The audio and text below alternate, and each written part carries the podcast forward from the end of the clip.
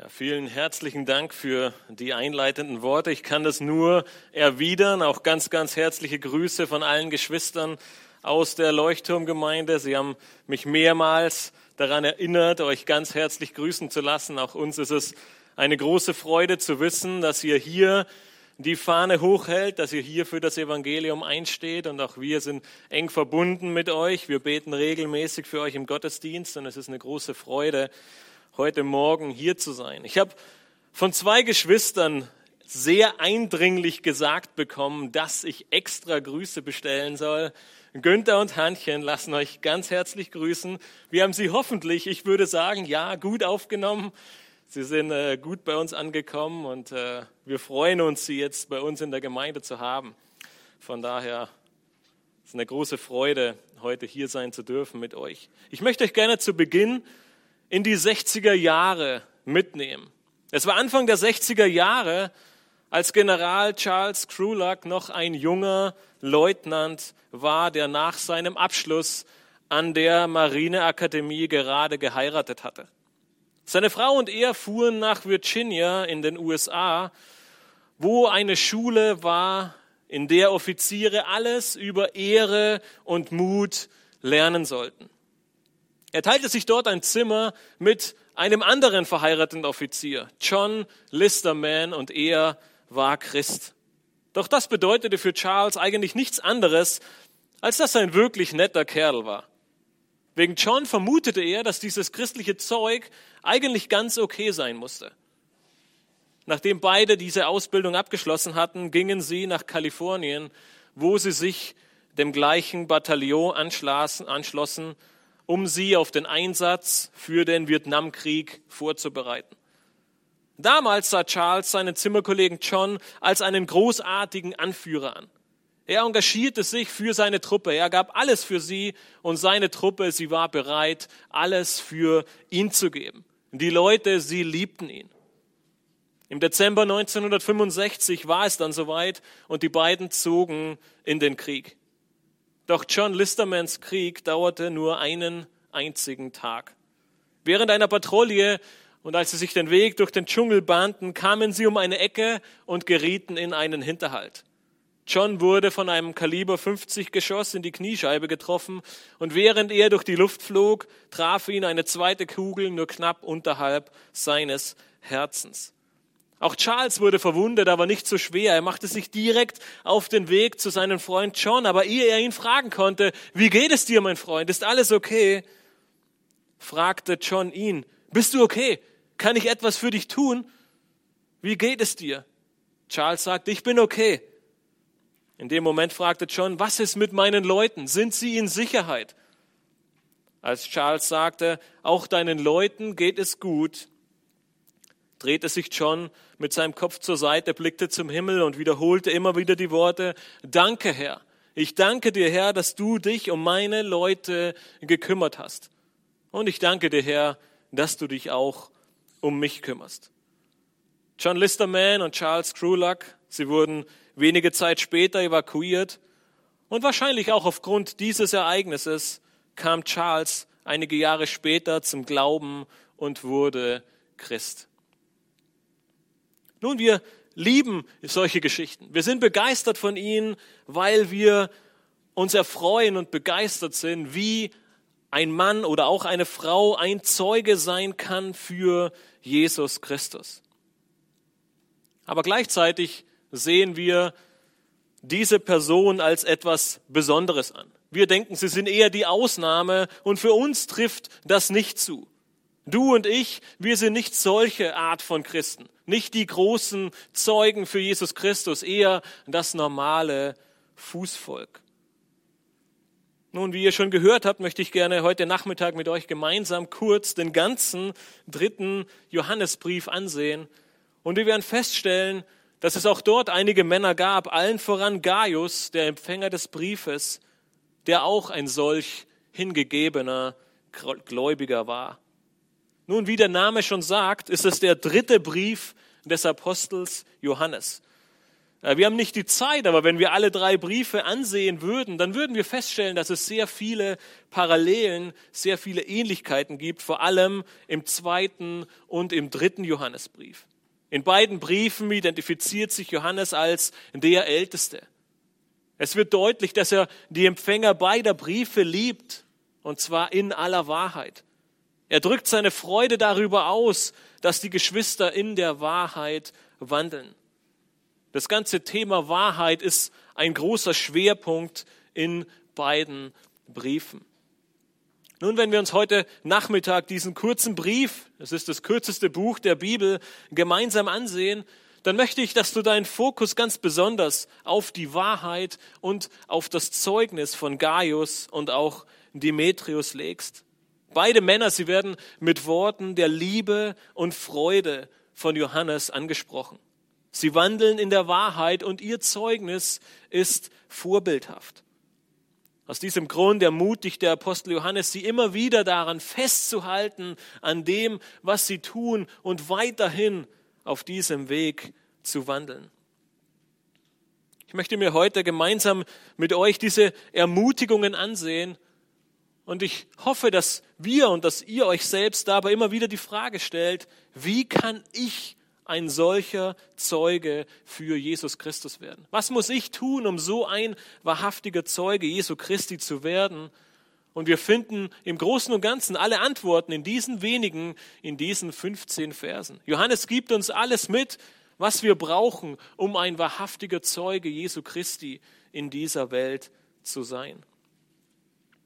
Ich hoffe, dass Gottes Wort dir heute Nachmittag aufzeigt, aber dich vor allem auch ermutigt, dass auch du einer dieser Zeugen sein kannst. Dass es keine auserwählte Elite ist, dass es nicht einige wenige sind, die Jesus Christus so nachfolgen, sondern dass jeder Einzelne dazu aufgerufen ist und dass Gott ihn dazu befähigt hat, ein wahrhaftiger Zeuge für Jesus Christus zu sein.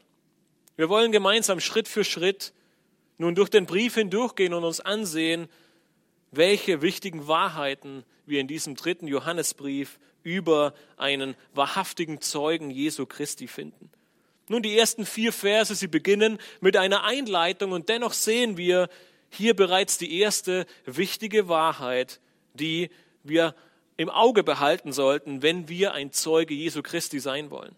Johannes er ruft uns zu, wenn du ein wahrhaftiger Zeuge Jesu Christi sein willst, dann tue das, indem du in der Wahrheit wandelst. Sei ein wahrhaftiger Zeuge Jesu Christi, indem du in der Wahrheit wandelst. In Vers 1 lesen wir, der Älteste an den geliebten Gaius, den ich in Wahrheit liebe.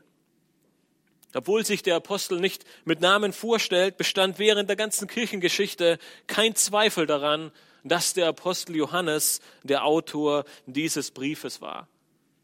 Der Stil ähnelt jenen der anderen beiden Briefe und auch seines Evangeliums sehr stark. Es handelt sich ohne Frage um ein und denselben Autor, nämlich Johannes. Nun, warum stellt er sich nur als der Älteste vor? Er gibt uns keine Antwort darauf, aber wir wissen aus der Historie, dass der Ausdruck Ältester im ersten Jahrhundert durchaus häufig benutzt wurde. Es ist ein Ausdruck für einen alten Menschen auf der einen Seite oder für einen alten Mann auf der einen Seite, aber gleichzeitig schwebt und schwingt in diesem Ausdruck auch eine, ein wichtiger Aspekt von Respekt und Ehrerbietung mit. Johannes, er schreibt diesen Brief gegen Ende des ersten Jahrhunderts, rund um das Jahr 90 nach Christus. Und er war zu der Zeit höchstwahrscheinlich schon mindestens 80 Jahre, vielleicht sogar etwas älter. Es ist ein sehr persönlicher, ein sehr liebevoller Brief, den er an seinen geliebten Bruder Gaius richtet. Nun, wir wissen nicht viel mehr über diesen lieben Bruder Gaius, als wir in diesen wenigen Versen herausfinden werden. Obwohl wir im Neuen Testament noch einige andere Personen finden, die Gaius heißen, können wir mit ziemlicher Sicherheit sagen, dass dieser Gaius hier ein anderer Gaius war. Auf keinen anderen Gaius passen diese wenigen Verse, die wir hier in diesem dritten Johannesbrief finden. Nun, nachdem äh, Johannes ihn nun als seinen geliebten Gaius bezeichnet, ist es auch naheliegend, dass er ihn relativ gut kennen musste. Viele Ausleger gehen davon aus, dass Gaius aus Kleinasien stammt, aus jener Region, wo sich auch Ephesus befindet. Jener Ort bzw. jene Gemeinde, in der Johannes lebt und dient, als er diesen Brief schreibt. Der Brief er beginnt mit einem innigen Gruß an einen Gläubigen, den der Apostel von Herzen und in Wahrheit liebt. Und so fährt er in Vers 2 mit einem großartigen Wunsch oder wie andere Übersetzungen es schreiben, mit einem kurzen Gebet fort. Wir lesen in Vers 2, mein Lieber, ich wünsche dir in allen Dingen Wohlergehen und Gesundheit, so wie es deiner Seele wohlergeht. Johannes, er wünscht sich und er betet für Gaius, dass ihm Gesundheit und Wohlergehen begleiten bzw. weiter anhalten. Und während wir zur Gesundheit nicht allzu viel sagen müssen, es ist mit dem Wohlergehen ein wenig anders, denn dieser Ausdruck für Wohlergehen, er spiegelt weniger den gesundheitlichen Zustand wider, sondern Johannes, er spricht mehr den finanziellen Standard, die finanzielle Situation von Gaius an. Nun, da wir sehr wenige Gebete und sehr wenige Abschnitte im Neuen Testament über unseren materiellen Wohlstand finden, wird dieser Vers sehr gerne missbraucht. Vor allem die Vertreter des sogenannten Wohlstandsevangeliums, einem Evangelium, das sich sehr stark auf die Segnungen des Lebens hier vor allem auf Gesundheit und Wohlstand und Reichtum in einer sehr unbiblischen Art und Weise äh, spezialisiert. Sie nutzen diesen Vers, um ihre Lehre zu untermauern. Sie sagen, seht ihr, selbst der Apostel Johannes, er betet für Reichtum unter den Gläubigen. Doch die große Frage ist, hatte Johannes das wirklich im Sinn? War es sein Wunsch, nur auf diese Segnungen hier in dieser Welt zu sehen? Wenn wir diesen Vers betrachten, ist es sehr wichtig, dass wir den zweiten Teil dieses Verses im Blick behalten. Dort schreibt Johannes so, wie es deiner Seele wohlgeht. Er bringt damit sein geistliches Leben mit seinem physischen, leiblichen Leben in Verbindung. Mit anderen Worten sagt Johannes, dass Gaius tägliches sichtbares Leben ein Ausdruck seines geistlichen Lebens sein soll. So sehr es ihm geistlich gut geht, so sehr er geistlich aufblüht, so sehr er geistlich, wie wir gleich sehen werden, in der Wahrheit wandelt, so sehr soll dieses geistliche Leben in seinem physischen Leben zum Ausdruck kommen. Seine geistliche Gesundheit, sie soll ein gutes Zeugnis in dieser Welt nach außen hin darstellen. Und in den folgenden Versen wird gleich sehr deutlich, dass Gaius seine bisherige Gesundheit und seinen bisherigen Wohlstand genau dazu nutzte. Es lag ihm nicht am Herzen, reich zu sein, es lag ihm nicht am Herzen, möglichst gesund zu sein, sondern er wollte seinem Herrn und Retter Jesus Christus dienen und ein Zeugnis für ihn sein. Und genau davon lesen wir dann in den Versen drei bis vier. Wenn Johannes schreibt, denn ich freute mich sehr, als Brüder kamen und von deiner Wahrhaftigkeit Zeugnis ablegten, wie du in der Wahrheit wandelst. Ich habe keine größere Freude, als die zu hören, dass meine Kinder in der Wahrheit wandeln. Nun, in den ersten Gemeinden des ersten Jahrhunderts hat sich eine Praxis entwickelt, dass Prediger oder auch Missionare auf Wanderschaft unterwegs waren. Sie wurden ausgesendet, teilweise von Aposteln, teilweise auch von anderen Gemeindeleitern, um in die Gemeinden zu kommen und ihnen das Wort Gottes weiterzugeben. Nun, wir haben zwei sehr gute Beispiele im Neuen Testament, wo die Apostel das getan haben. Wir alle kennen Timotheus und Titus. Titus, er wurde auf Kreta eingesetzt oder zurückgelassen, um bei den Gemeinden zu bleiben, um ihnen zu helfen, um ihnen äh, das Wort Gottes zu predigen, aber vor allem auch, um Älteste einzusetzen. Diese Wanderprediger, die wir nun hier im dritten Johannesbrief sehen, sie verbrachten meist eine gewisse Zeit in einer Ortsgemeinde. Sie glaubten und verkündigten die Lehren des Neuen Testaments. Die Gemeinden, sie profitierten davon und das Ziel war, dass die Gemeinden sie unterstützten und damit diesem Dienst unter die Arme griffen. Nach einer gewissen Zeit zogen diese Gastprediger oder Missionare dann weiter in die nächste Gemeinde und der, der Vorgang wiederholte sich. Der große Unterschied zu der heutigen Zeit, wo das auch nicht selten der Fall ist, ist jener, dass es damals keine Missionsgesellschaften gab. Es gab keine großen Gesellschaften, die durch Spenden Geld bekommen haben, um diese Männer zu unterstützen, sondern diese Männer waren voll und ganz von der Gastfreundschaft und Hilfe der Gemeinde, die sie in den Städten und Dörfern besuchten, abhängig. Und nun kommen wir zu Vers 3 und können feststellen, dass Gaius genau das lebte, was er glaubte. Einige der Männer, die Gaius aufnahm und um die er sich kümmerte, kamen später zu Johannes zurück. Und ihre Aussage, sie brachte die ganze Freude von Johannes zum Ausdruck. Sie bestätigten die Wahrhaftigkeit von Gaius. Sie bestätigten seinen Wandel in der Wahrheit. Das ist eine sehr wichtige Aussage, die wir nicht überlesen dürfen. Es ist nicht nur Teil der Einleitung von Johannes für seinen Brief, sondern wir reden heute häufig davon, dass wir die Wahrheit glauben, dass wir an der Wahrheit festhalten, dass wir die Wahrheit weitergeben. Und das ist alles sehr gut und wichtig. All diese Dinge müssen wir tun. Aber wenn wir hier sehen, was Johannes an seinen geliebten Bruder Gaius schreibt, dann müssen wir feststellen, dass dieses Festhalten, dieses Glauben und dieses Weitergeben der Wahrheit auch in unser aller Leben sichtbar werden muss. Ein Wandel in der Wahrheit heißt nichts anderes, wie dass diese Wahrheit, die wir erkannt haben und die wir weitergeben, Spuren in unserem Leben hinterlässt. Dass wir nicht das eine sagen und das andere tun, sondern wir erkennen die Wahrheit und wir tun sie auch.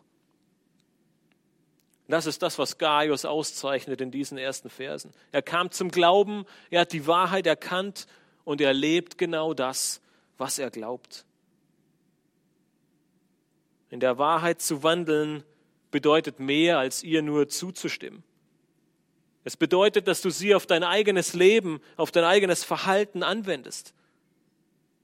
Johannes, er schreibt dieses Wort oder diesen, diesen Teil des Wandels in Vers 3 im Präsens. Nun, der griechische Präsens, er drückt nicht nur die Gegenwartsform aus wie bei uns, sondern er spiegelt eine kontinuierliche Handlung wider. Was Johannes hier sagt, ist, Gaius, er lebt fortlaufend, er wandelt fortlaufend in der Wahrheit. Er versucht nicht hin und wieder ein guter Gläubiger zu sein, sondern er strebt danach, Tag für Tag fortlaufend und immer wieder ohne Pause in der Wahrheit zu wandeln. Und dieser Wandel ist eine große, ja, die größte Freude, die Johannes hat. In Vers 4, in Vers 4 wird deutlich, dass er sich über alle Maßen freut, wenn er hört, dass seine Kinder, also die Gläubigen, in der Wahrheit wandeln. Johannes war nicht nur darauf bedacht, dass möglichst viele die Wahrheit glauben, das ist das eine, sondern dass sie wirklich zu Zeugen Jesu Christi werden, dass die Menschen an ihn erkennen können, dass diese Wahrheit nicht nur eine von vielen ist, sondern dass diese Wahrheit die Macht und Kraft hat, Menschen zu verändern. Dass diese Wahrheit die Macht und Kraft hat, Menschen von einem Sünder zu einem Heiligen zu verwandeln. Und genau diesen Glauben lebte Gaius vor. Nun, liebe Geschwister, das Herzensanliegen eines jeden Einzelnen von uns sollte es sein, wie Gaius zu leben, nicht wahr? Unser Leben so zu leben, dass unser Einsatz für die Wahrheit, insbesondere natürlich für die Wahrheiten Gottes, für andere in unserem Leben sichtbar werden. Dass wir nicht nur die ganze Zeit das Evangelium verkündigen und die Leute sehen uns an und denken, was erzählt er eigentlich? Sondern dass sie merken, das, was er sagt oder das, was sie sagt, das tut er tatsächlich auch. Diese Wahrheit hat sein Leben verändert. Und wir haben schon gesehen und wir werden im Verlauf des Briefes noch deutlicher sehen, dass eine der besten Möglichkeiten, diese Wahrheit zu leben, es ist, wenn wir den anderen lieben wenn wir uns um den anderen kümmern, wenn wir den anderen in Gott gegebener Art und Weise behandeln.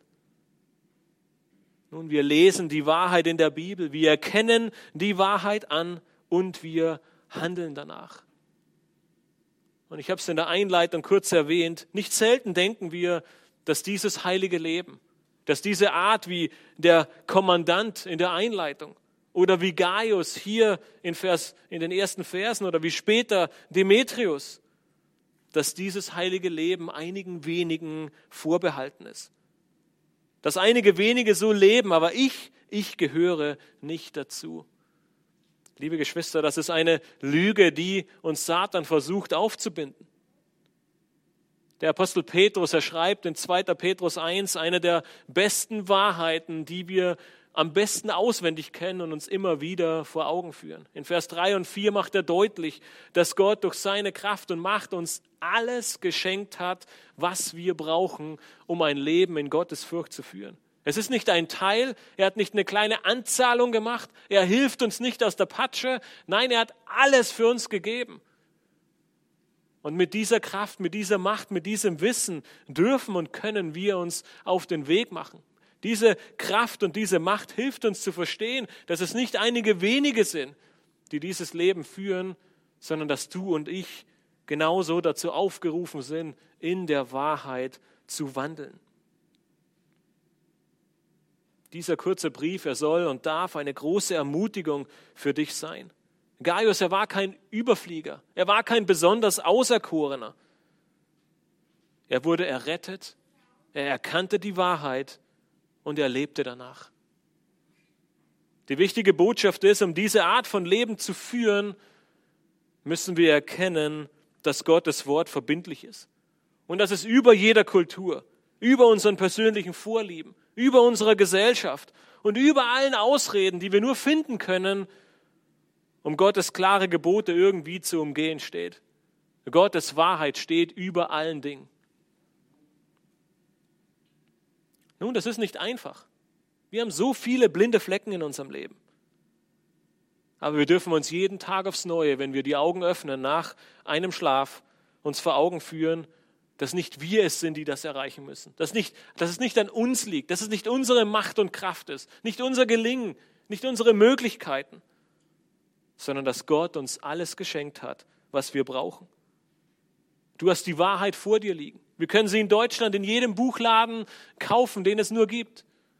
Wir haben ein Privileg, das kaum ein anderer auf diesem Planeten hat. Deswegen ist es so wichtig, jeden Tag diese Wahrheiten zu lesen. Jeden Tag zu erkennen, wo wir richtig oder vielleicht wo wir auch falsch handeln und jeden Tag aufs Neue zu beginnen und festzuhalten durch Gottes Gnade und Kraft, in dem Wissen, dass er uns dazu befähigt, in dieser Wahrheit zu wandeln. Johannes, er beginnt diesen Brief, indem er Gaius ermutigt, an dieser wichtigen Wahrheit festzuhalten, seinen Wandel in der Wahrheit weiter fortzuführen. Denn das ist seine größte Freude.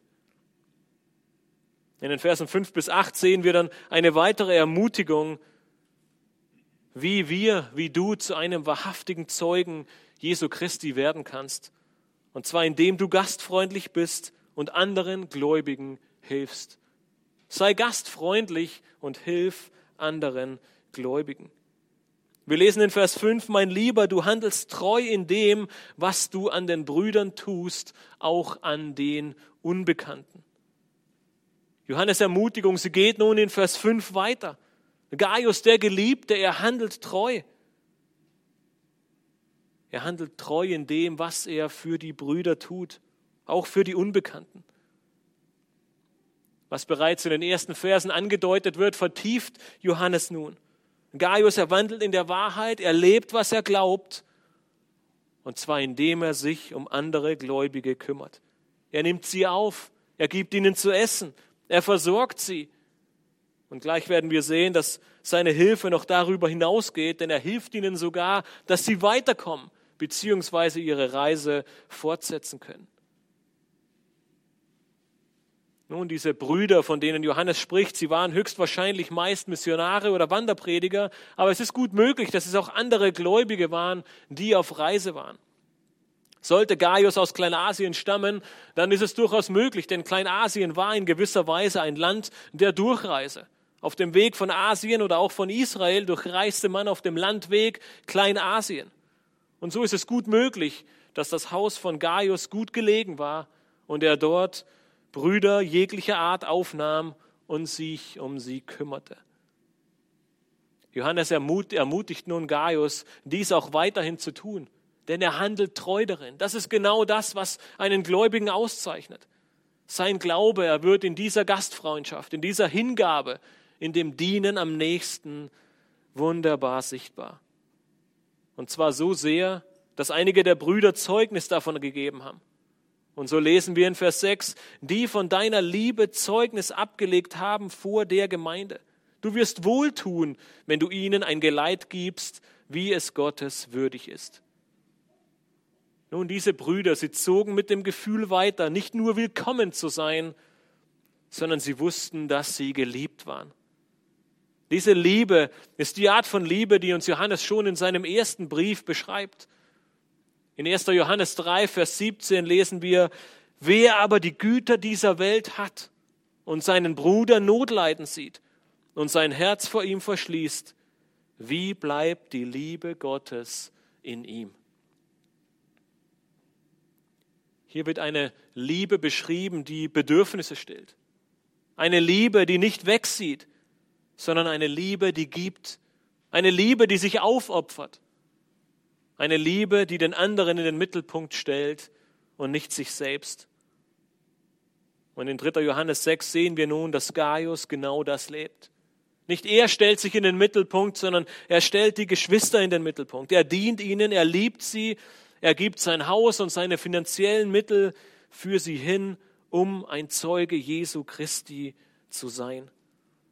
Und die Geschwister, sie kehren nach Hause zurück und sie fühlen sich geliebt. Sie geben ein Zeugnis von Gaius ab, das über alle Maßen großartig ist. Und ist das nicht wunderbar? Ist nicht genau das, was wir uns auch so sehr wünschen? Geschwister, sie besuchen uns und sie kommen nach Hause zurück in ihre Gemeinden und sie erzählen von der wunderbaren Gastfreundschaft, von der Liebe, von der Geborgenheit, von der Barmherzigkeit, die sie hier bei uns in Berlin erfahren haben. Aber Gaius, er ging sogar noch einen Schritt weiter. Er beherbergte seine Gäste nicht nur, er versorgte sie nicht nur während ihrer Anwesenheit, sondern er gab ihnen ein Geleit, wie wir in der Schlachterübersetzung lesen. Die Elberfelder Übersetzung drückt es vielleicht ein bisschen verständlicher für uns aus, wenn wir dort lesen, und du wirst wohltun, wenn du sie zur Reise ausstattest, wie es Gottes würdig ist. Nun, dieses griechische Wort, das Johannes hier verwendet, es bedeutet normalerweise so viel wie eskortieren oder begleiten. Das würde das Geleit ausdrücken, aber es kann auch sehr gut eine Unterstützung durch Bereitstellung von Nahrung, Geld oder eines Reisemittels sein. Und das ist wahrscheinlich eher das, was Gaius tat. Er gab nicht nur sein Haus und sein Essen für sie während ihrer Anwesenheit, sondern er füllte noch ein Lunchpaket, gab ihnen noch ein Pferd mit und schickte sie zur nächsten Gemeinde. Nun, ob er ihnen wirklich Pferde mitgab, wissen wir nicht, aber es ist möglich. Und er gab überdessen noch mehr, um sie bis zur nächsten Gemeinde zu bringen. Gaius Gastfreundschaft, sie ging über die Maßen hinaus. Und all das bewegte die Geschwister zu einem Zeugnis der Liebe in ihren Gemeinden. Warum dies so war, sehen wir am Ende in Vers 6. Dort steht geschrieben, denn um seines Namens willen sind sie ausgezogen, ohne von den Heiden etwas zu nehmen. Nun, damals wie heute leben Missionare oder auch übergemeindliche Prediger und Diener in dem Glauben, dass Gott sein Volk für ihre, also ermutigt, für ihre Bedürfnisse zu sorgen dass wir als Gläubige diese Missionare, diese äh, Prediger, diese Menschen unterstützen, um den Dienst des Evangeliums zu tun. Und genau das sehen wir auch hier. Sie zogen in Jesu Namen aus, um das Evangelium und die Lehren des Neuen Testaments in die Welt und in die Gemeinden hinauszutragen. Aber dabei wollten sie von den Heiden nichts annehmen. Nun, was meint Johannes damit? Johannes nutzt den Begriff der Heiden hier nicht für die Menschen außerhalb des Judentums, wie wir es normalerweise kennen, sondern er nutzt diesen Begriff, um all die ungläubigen Menschen darzustellen. Er sagt, diese Menschen zogen im Namen Jesu aus, dass sie wollen von den Ungläubigen nichts annehmen.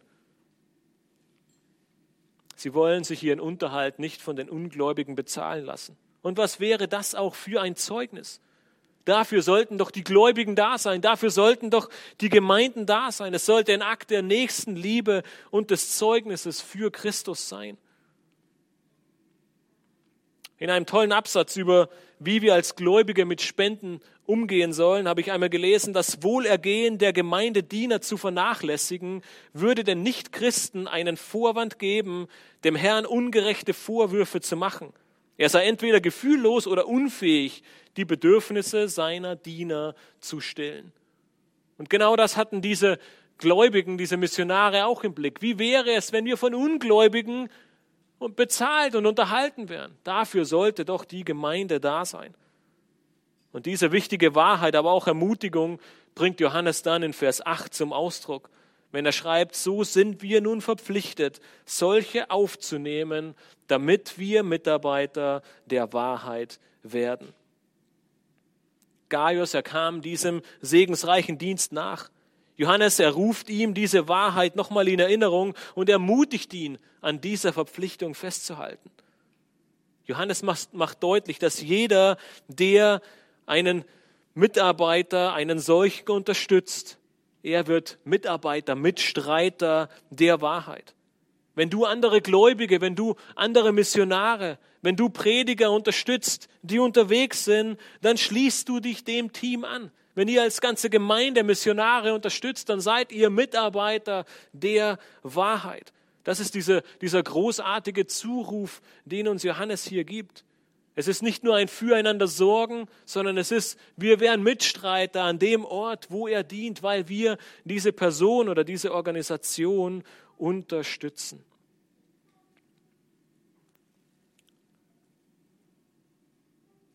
Das ist das Ziel, dass wir diesen Leuten helfen, dass wir verpflichtet sind, solche aufzunehmen, damit wir Mitarbeiter der Wahrheit werden.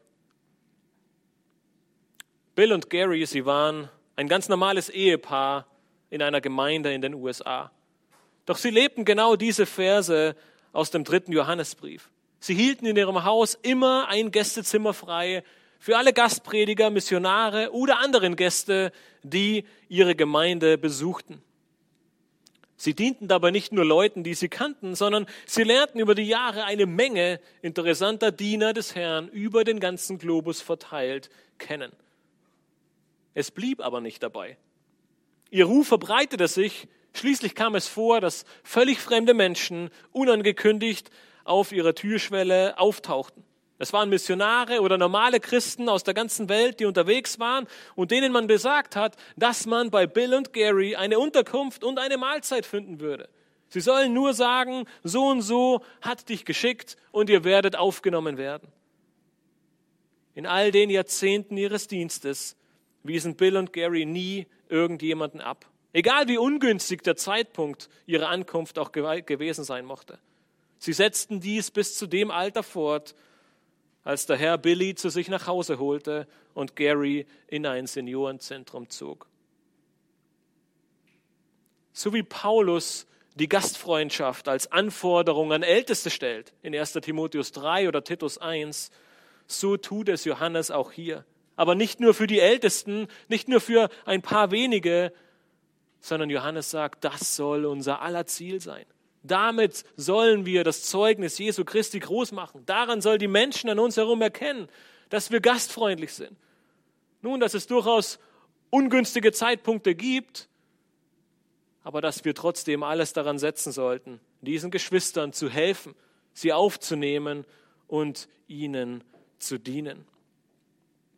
Es ist die Art und Weise, wie du zu einem wahrhaftigen Zeugen Jesu Christi wirst, indem du seine Liebe widerspiegelst. Nun, der eine Teil ist die Gastfreundschaft, der andere ist die Unterstützung. Wenn es um Finanzen geht, denken wir dann sehr schnell an Missionare oder andere Werke. Aber es ist nicht nur der Dienst außerhalb der Gemeinde, der wichtig ist. Es ist auch der Dienst innerhalb der Gemeinde.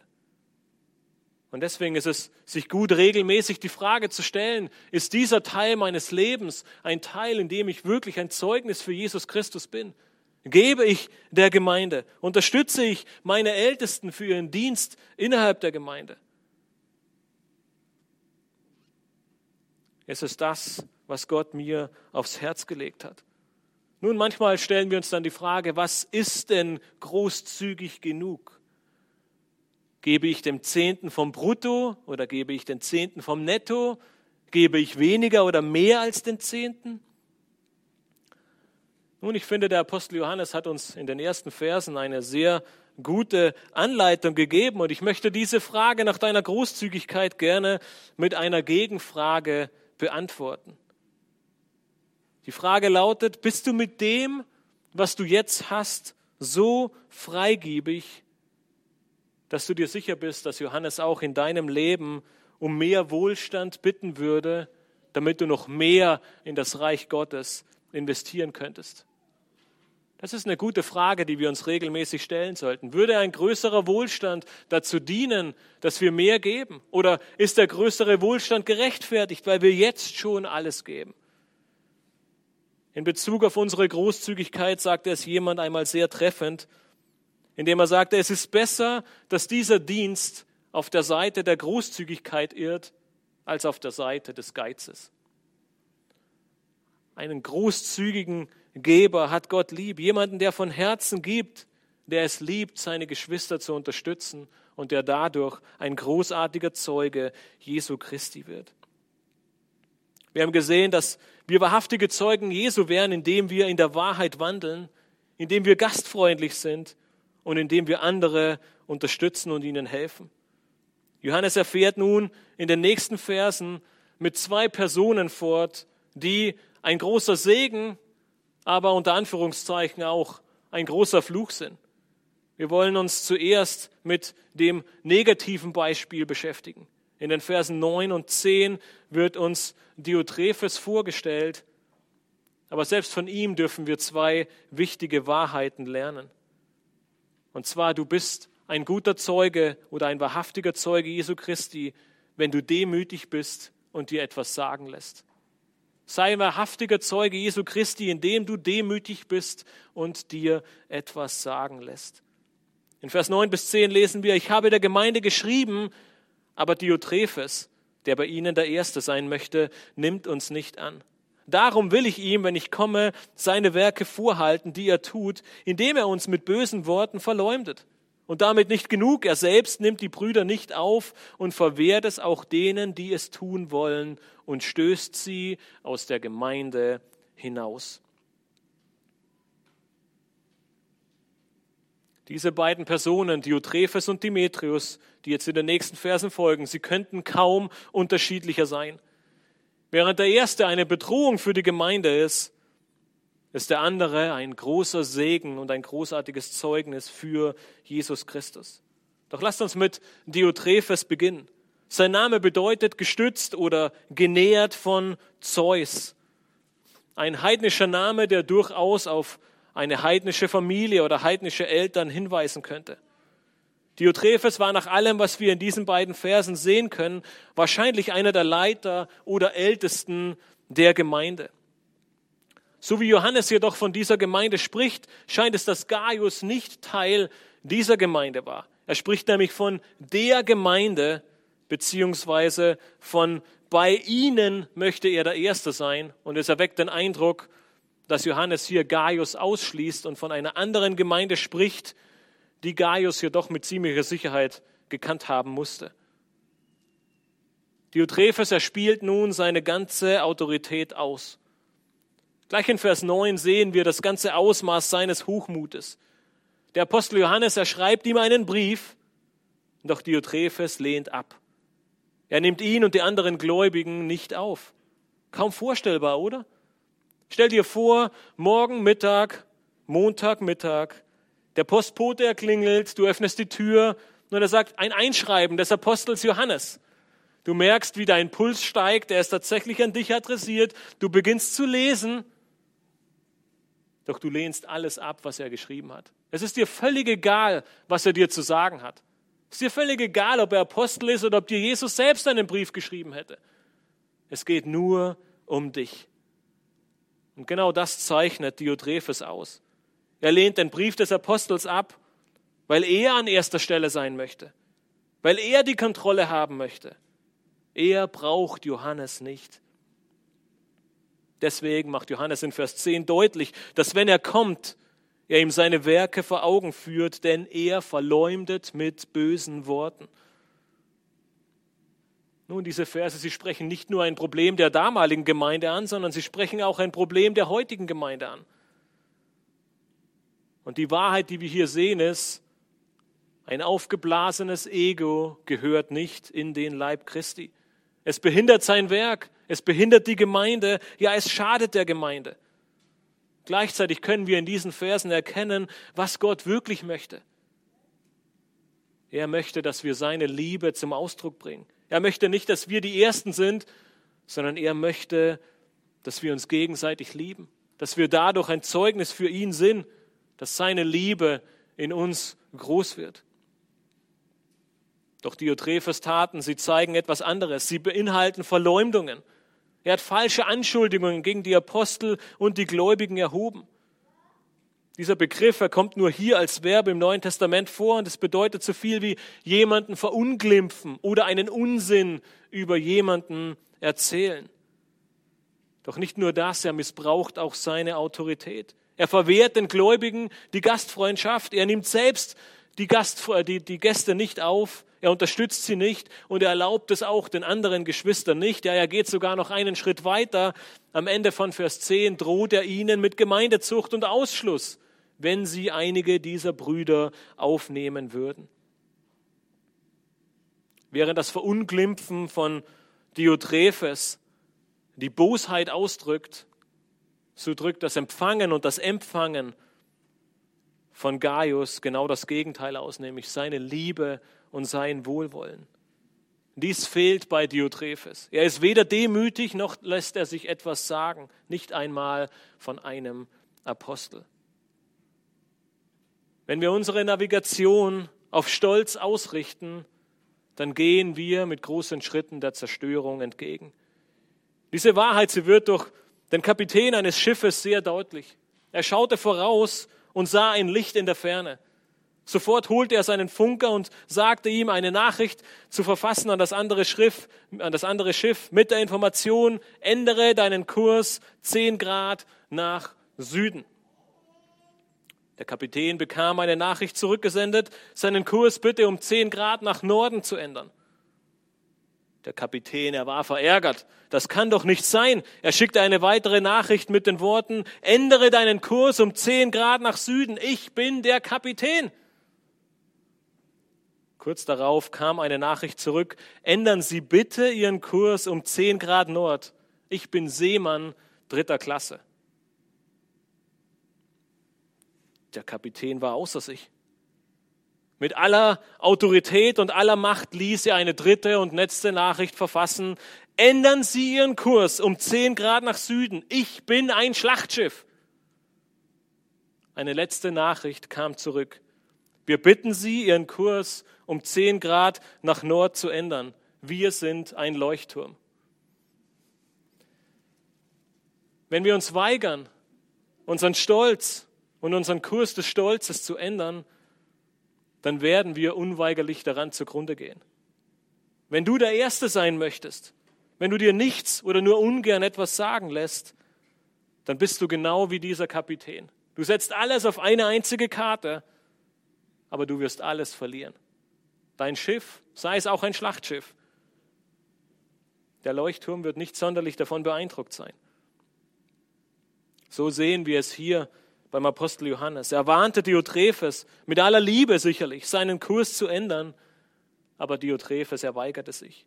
Er riskierte durch sein rebellisches Handeln die Zerstörung von sich und von der ganzen Gemeinde. Ist es das, womit wir Gott die Ehre geben? Nun, wir tun gut daran, von Diotrephes zu lernen und unser Leben als Diener zu leben, anderen gegenüber Liebe und Gastfreundschaft entgegenzubringen. Wenn du der Erste sein willst im Reich Gottes, dann sei der Sklave anderer.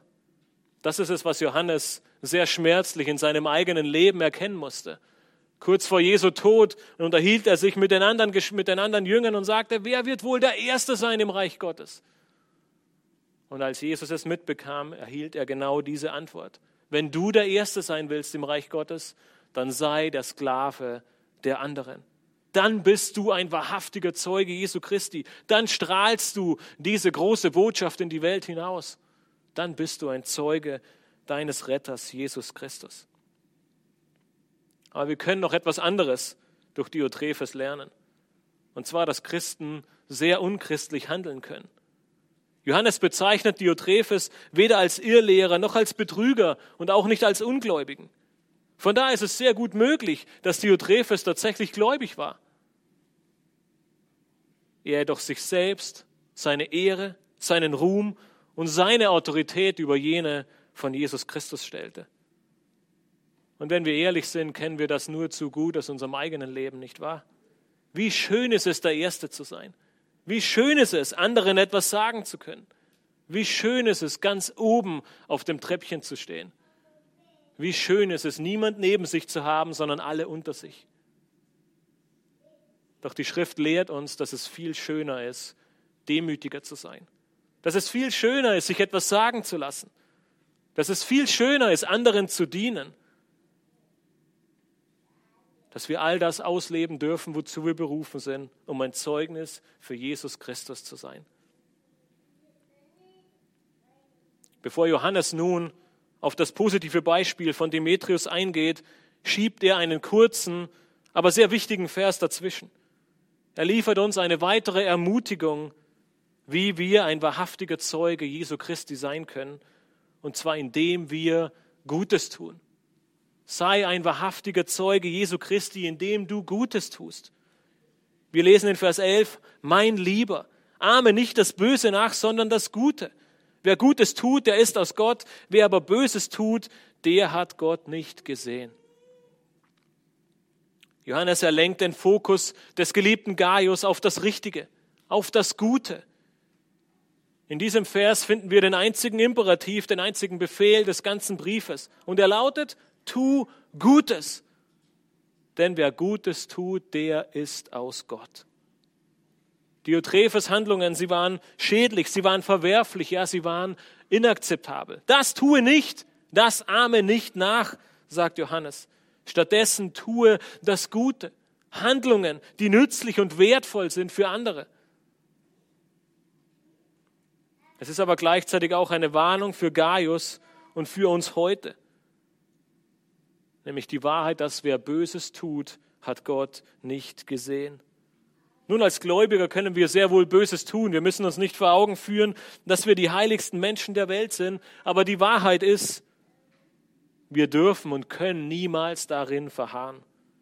Wenn du demütig bist und wenn du dir etwas sagen lässt, dann wird dich Gottes Wort, dann wird dich der Heilige Geist, ja, dann werden dich all die lieben Geschwister um dir herum daran erinnern und dich ermahnen umzukehren und Buße zu tun. Und wenn du wirklich glaubst und wenn Jesus Christus dein Herr ist, dann wirst du das auch tun. Und ich bin mir sicher, bin mir ziemlich sicher, dass Johannes diese Hoffnung auch bei Diotrephes hatte. Johannes war niemand, der mit dem Hammer durch die Wand ist, sondern wir sehen immer wieder, dass die Liebe ein großes und wichtiges Thema in seinem Leben war. Und ich bin mir ziemlich sicher, dass er bei seinem nächsten Kommen Diotrephes seine Werke vorhalten und vor Augen führen würde, nicht um ihn bloßzustellen, nicht um ihn ins Lächerliche zu ziehen, nicht um ihn schlecht zu machen, sondern mit dem großen Ziel von Einsicht, von Buße, von Wiederherstellung und von Umkehr, dass auch dieser hochmütige und sich nichts sagen lassende Diotrephes erkennt, dass Jesus Christus sein Herr ist und dass er ein Segen für die Gemeinde sein kann, wenn er demütig ist und sich etwas sagen lässt. Gaius Aufgabe hier in Vers 11 ist es nun, das Gute zu tun. Es wird deutlich, dass jemand, der sich dadurch auszeichnet, Gutes zu tun, von Gott ist. Das ist das Prinzip, das für jeden Menschen gilt und das uns als Kinder Gottes auszeichnen sollte. Das ganze Neue Testament, es ruft uns dazu auf, Gutes zu tun. Der Apostel Paulus, er bringt es in Galater 6, Vers 9 bis 10 auf den Punkt, wenn er schreibt, lasst uns aber im Gutes tun nicht müde werden, denn zu seiner Zeit werden wir auch ernten, wenn wir nicht ermatten. So lasst uns nun, wo wir Gelegenheit haben, an allen Gutes tun, besonders aber an den Hausgenossen des Glaubens. Auch Paulus ermutigt in Galater 6 die Gläubigen, ihm Gutes tun. Zu seiner Zeit wirst du deinen ewigen Lohn empfangen. Aber jetzt, solange es Zeit ist, tue allen Gutes, allen voran den Gläubigen.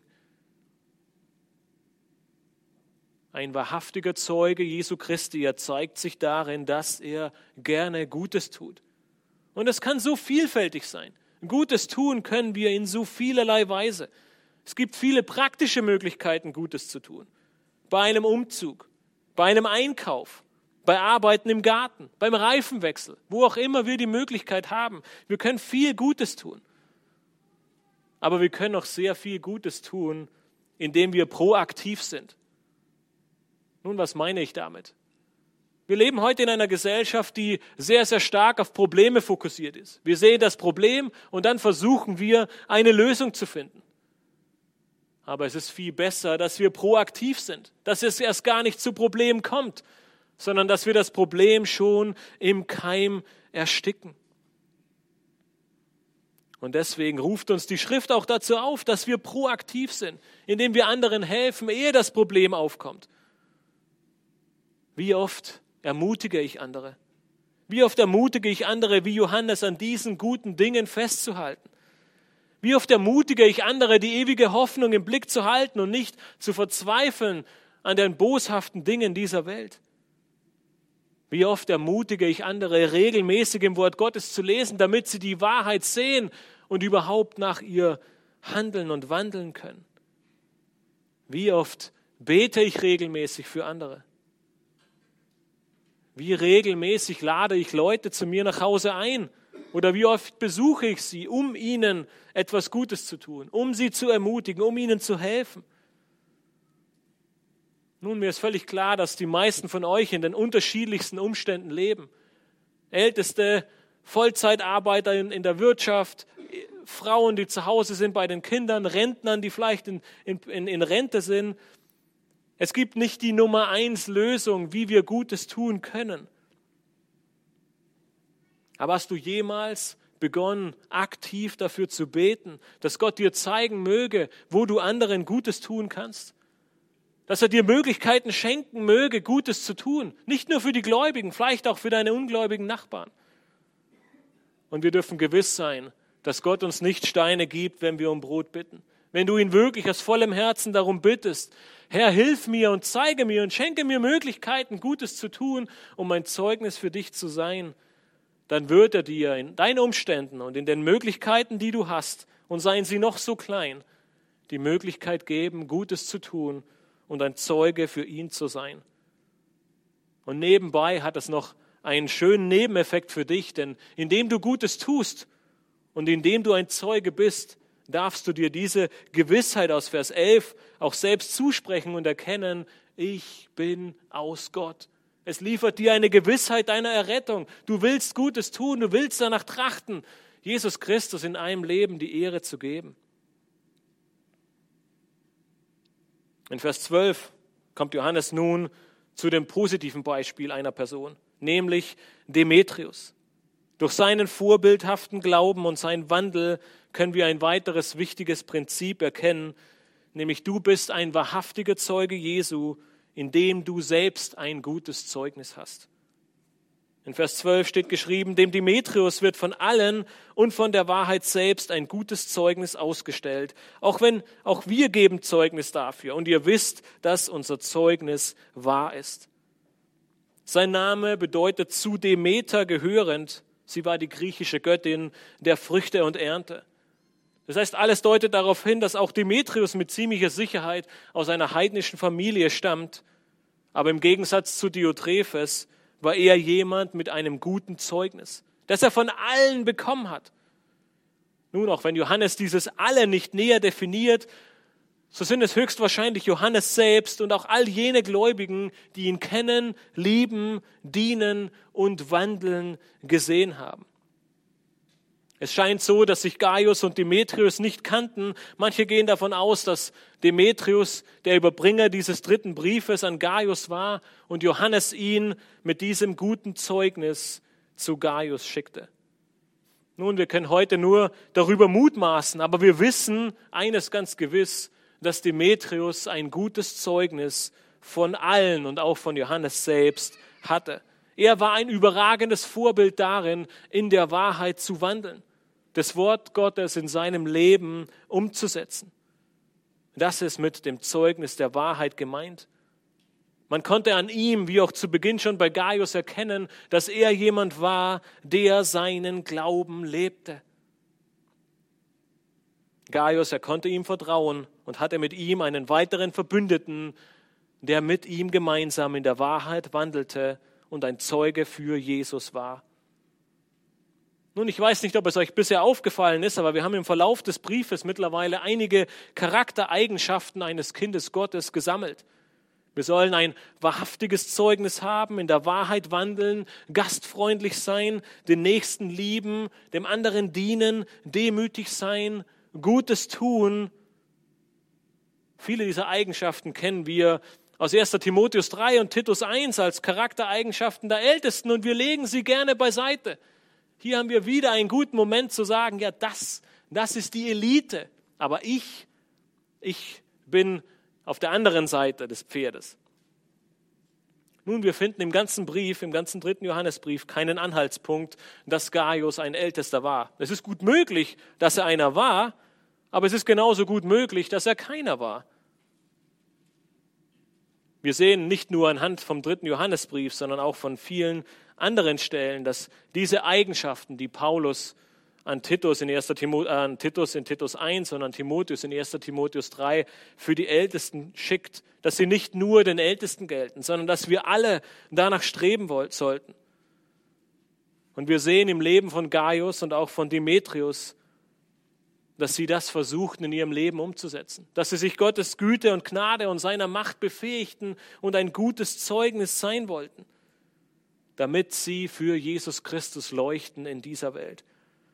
Damit sie ein Zeugnis sind für die Ungläubigen, aber auch ein Zeugnis für die Gläubigen, für die Gemeinden, für ihr ganzes Umfeld, ja sogar für die ganze Welt. Denn selbst heute dürfen wir noch von ihrem Wandel lesen. Johannes, er ermutigt Gaius durch den ganzen Brief hindurch und stellt hier nun in Vers 12 auch dem Demetrius ein gutes Zeugnis aus. Die Frage, die ich mir in der Vorbereitung gestellt habe, ist, wie oft ermutige ich eigentlich andere, diesen wichtigen Teil des Lebens als Gläubiger zu gedenken? Wie oft ist es mir ein Anliegen, anderen zu helfen, ein gutes Zeugnis zu sein? Aber auch für uns selbst. Was würde deine Familie, was würden deine Nachbarn, was würden deine Arbeitskollegen oder deine Freunde sagen, wenn wir uns bei ihnen über dich erkundigen? Würden Sie mit Johannes übereinstimmen und sagen, er hat ein oder sie hat ein gutes Zeugnis, er ist vorbildlich oder sie ist vorbildlich in allen Dingen? Nun, wenn deine Arbeitskollegen, Freunde und Familie und deine Nachbarn das sagen würden, dann lass dir diese Verse als Ermutigung dienen und halte fest daran. Stehe, stehe stramm und geh weiter diesen Weg mit Jesus Christus, um ihm die Ehre zu geben. Sollten deine Nachbarn, Arbeitskollegen und Freunde und Familie etwas anderes sagen und dein Zeugnis nicht ganz so großartig ausfallen, dann lass dir diese Verse auch als Ermutigung dienen. In der Anstrengung nicht nachzulassen, weiter voranzugehen, ein Zeugnis für Jesus Christus zu werden. Jede Nachbarschaftshilfe nicht auszuschlagen, dafür jede Lüge sein zu lassen nicht über anstößige Witze zu lachen oder jedes Fluchwort zu unterlassen, wenn du dir bei den nächsten Gartenarbeiten wieder irgendwo den Finger einklemmst. Wandle in der Wahrheit. Bete jeden Tag und bitte Gott darum, dass du zum Zeugnis für ihn in dieser Welt werden darfst. Dass du als Zeugnis für ihn in dieser Welt dienen darfst. Wir möchten zum Ende kommen und Johannes erschließt diesen Brief mit den letzten verbleibenden Versen. Es ist nicht nur ein normales, persönliches und liebevolles Schlusswort, sondern auch hier dürfen wir eine letzte Wahrheit erkennen, die Johannes uns sehr deutlich macht in diesen Versen und die einen wahrhaftigen Zeugen Jesu Christi auszeichnen, nämlich er sucht und liebt die Gemeinschaft der Gläubigen. Wenn du ein wahrhaftiger Zeuge Jesu Christi bist, dann liebst du und suchst nach der Gemeinschaft der Gläubigen. In den letzten Versen des Briefes von 13 bis 15 lesen wir, ich hätte vieles zu schreiben, aber ich will dir nicht mit Tinte und Feder schreiben. Ich hoffe aber, dich bald zu sehen, und dann wollen wir mündlich miteinander reden. Friede sei mit dir, es grüßen dich die Freunde, grüße du die Freunde mit Namen. Johannes erschließt diesen sehr persönlichen Brief nicht mit einem Standardschluss, ein letzter Segen und gut ist. Nein, wir dürfen hier noch ein letztes Mal diesen Herzschlag von Johannes fühlen. Er macht deutlich, dass er noch so viel zu sagen hätte, dass es noch so viel zu schreiben gäbe, aber am Ende wäre es nur Papier und Tinte. Er will Gaius viel lieber sehen. Er will zu ihm kommen. Er sucht das persönliche Gespräch. Nicht nur, um Diotrephes zurechtzuweisen und zur Umkehr aufzurufen, nein, er möchte die Gemeinschaft. Er will mündlich mit Gaius sprechen unter vier Augen. Er will die Gemeinschaft genießen sich persönlich nach seinem Befinden erkundigen.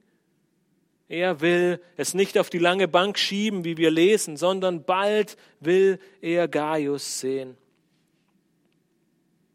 Hier sehen wir, dass es sich auch bei Johannes nicht nur um einen Christen handelt, der die anderen liebte. Nein, auch er war ein Gläubiger, der sich nichts sehnlicher wünschte, als zusammen zu sein und die Gesellschaft mit anderen zu genießen. Warum? Weil auch das ein Zeugnis für Jesus Christus ist. Egal wo du herkommst, egal wie du aussiehst, egal aus welcher Kultur du kommst, egal aus welchem Hintergrund du kommst. Wir alle lieben uns und wir alle sehnen uns nach Gemeinschaft. Warum? Weil wir Jesus Christus lieben und er uns verbindet. Das ist eins der größten Zeugnisse der Gemeinde in dieser Welt aus allen politischen Lagern, aus allen verschiedenen Einstellungen, aus allen Kulturen, aus allen Kreisen, mit allen Hautfarben, aus jeder erdenklichen Ecke dieser Erde. Wir kommen alle zusammen in eine Gemeinde, weil wir eine große Gemeinsamkeit haben. Wir lieben Jesus Christus über alles. Und in keiner anderen Gesellschaft, in keiner Organisation dieser Welt werden wir diese Liebe finden. Und das ist eins der größten Zeugnisse für Jesus Christus. Die Wichtigkeit der Gemeinde und der Gemeinschaft, sie wird auch an den Grüßen am Ende des Briefes deutlich. Johannes, er bestellt äh, Grüße von weiteren Freunden und er bittet darum, die Freunde mit Namen zu grüßen. Nun, dass er die Freunde mit Namen grüßt, bedeutet so viel wie, dass Johannes dem Gaius den Auftrag gibt, jeden Einzelnen zu grüßen. Er soll nicht einmal vor die Gemeinde gehen und soll sagen, ach, viele Grüße von Johannes, so wie ich es getan habe. Ich habe es mir erspart, alle einzelnen Geschwister aufzuführen, die euch grüßen. Aber genau das sagt Johannes hier. Er drückt damit diese innige Beziehung, diese Gemeinschaft aus. Er sagt, Gaius, geh hin und grüße jeden Einzelnen von mir.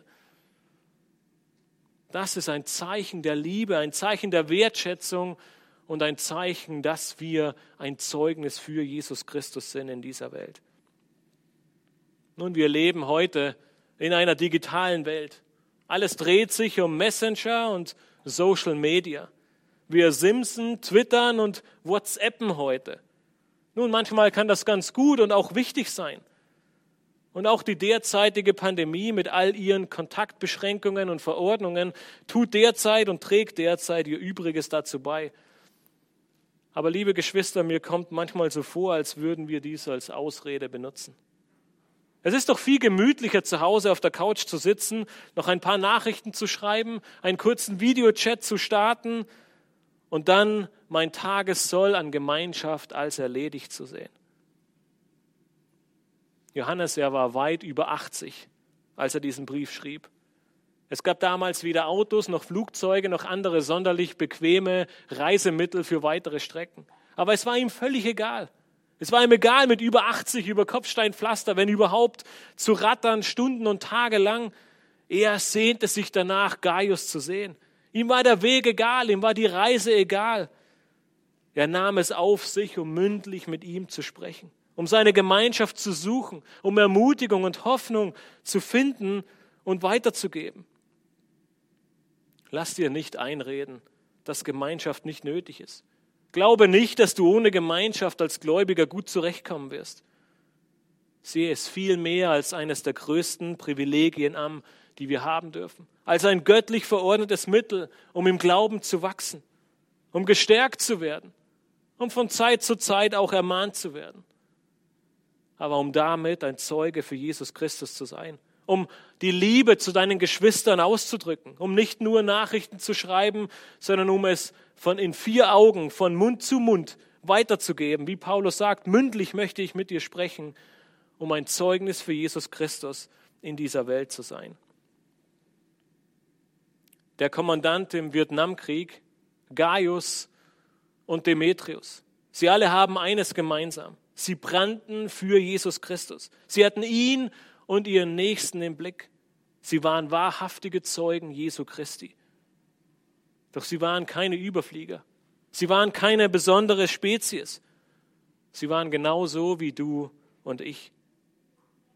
Jeder von uns kann und soll danach streben, so ein Zeuge Jesu Christi zu werden. Durch Gottes Kraft und sein Wirken können wir zu solchen Zeugen werden.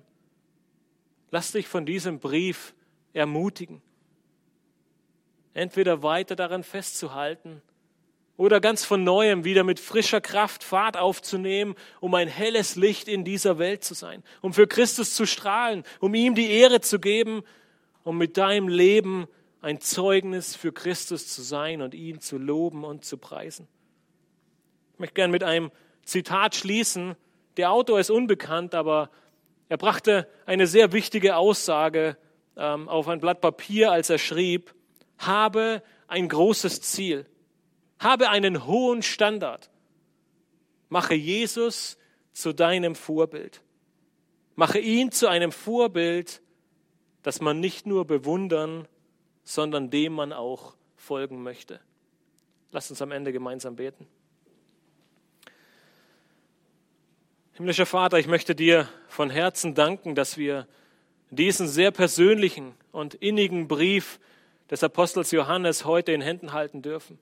Herr, ich möchte dir danken, dass wir an Gaius und Demetrius großartige Vorbilder sehen, aber dass wir über all dem wissen dürfen, dass du unser Vorbild in allen bist, Herr Jesus Christus. Dass wir in dir alles haben, dass du diese Welt durchwandert hast und dass du gelitten hast, wie wir leiden, dass du all das erlebt hast, was wir erleben und dass du in allem nicht gesündigt hast, Herr, dass du ein Vorbild bist für uns und wir möchten dich bitten, dass wir Zeugen sind in dieser Welt, dass wir hell strahlen für dich und dein Evangelium und deine Herrlichkeit in dieser Welt, dass die Menschen an uns erkennen können, dass wir in deiner Wahrheit wandeln.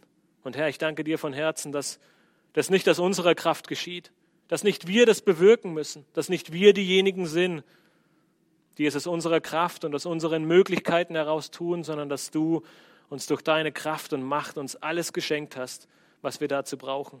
Herr, wir möchten dich bitten, dass jeder einzelne von uns sich dieser Macht jeden Tag aufs Neue befähigt und dass wir als Einzelne, aber auch als Gemeinden hier in Berlin hell dich strahlen, damit noch viele Menschen erkennen, dass du der Retter bist, Herr Jesus Christus. Dass noch viele Menschen zum Glauben kommen und dass dein Name verherrlicht wird über alle Namen. Wir loben und preisen dich. Amen.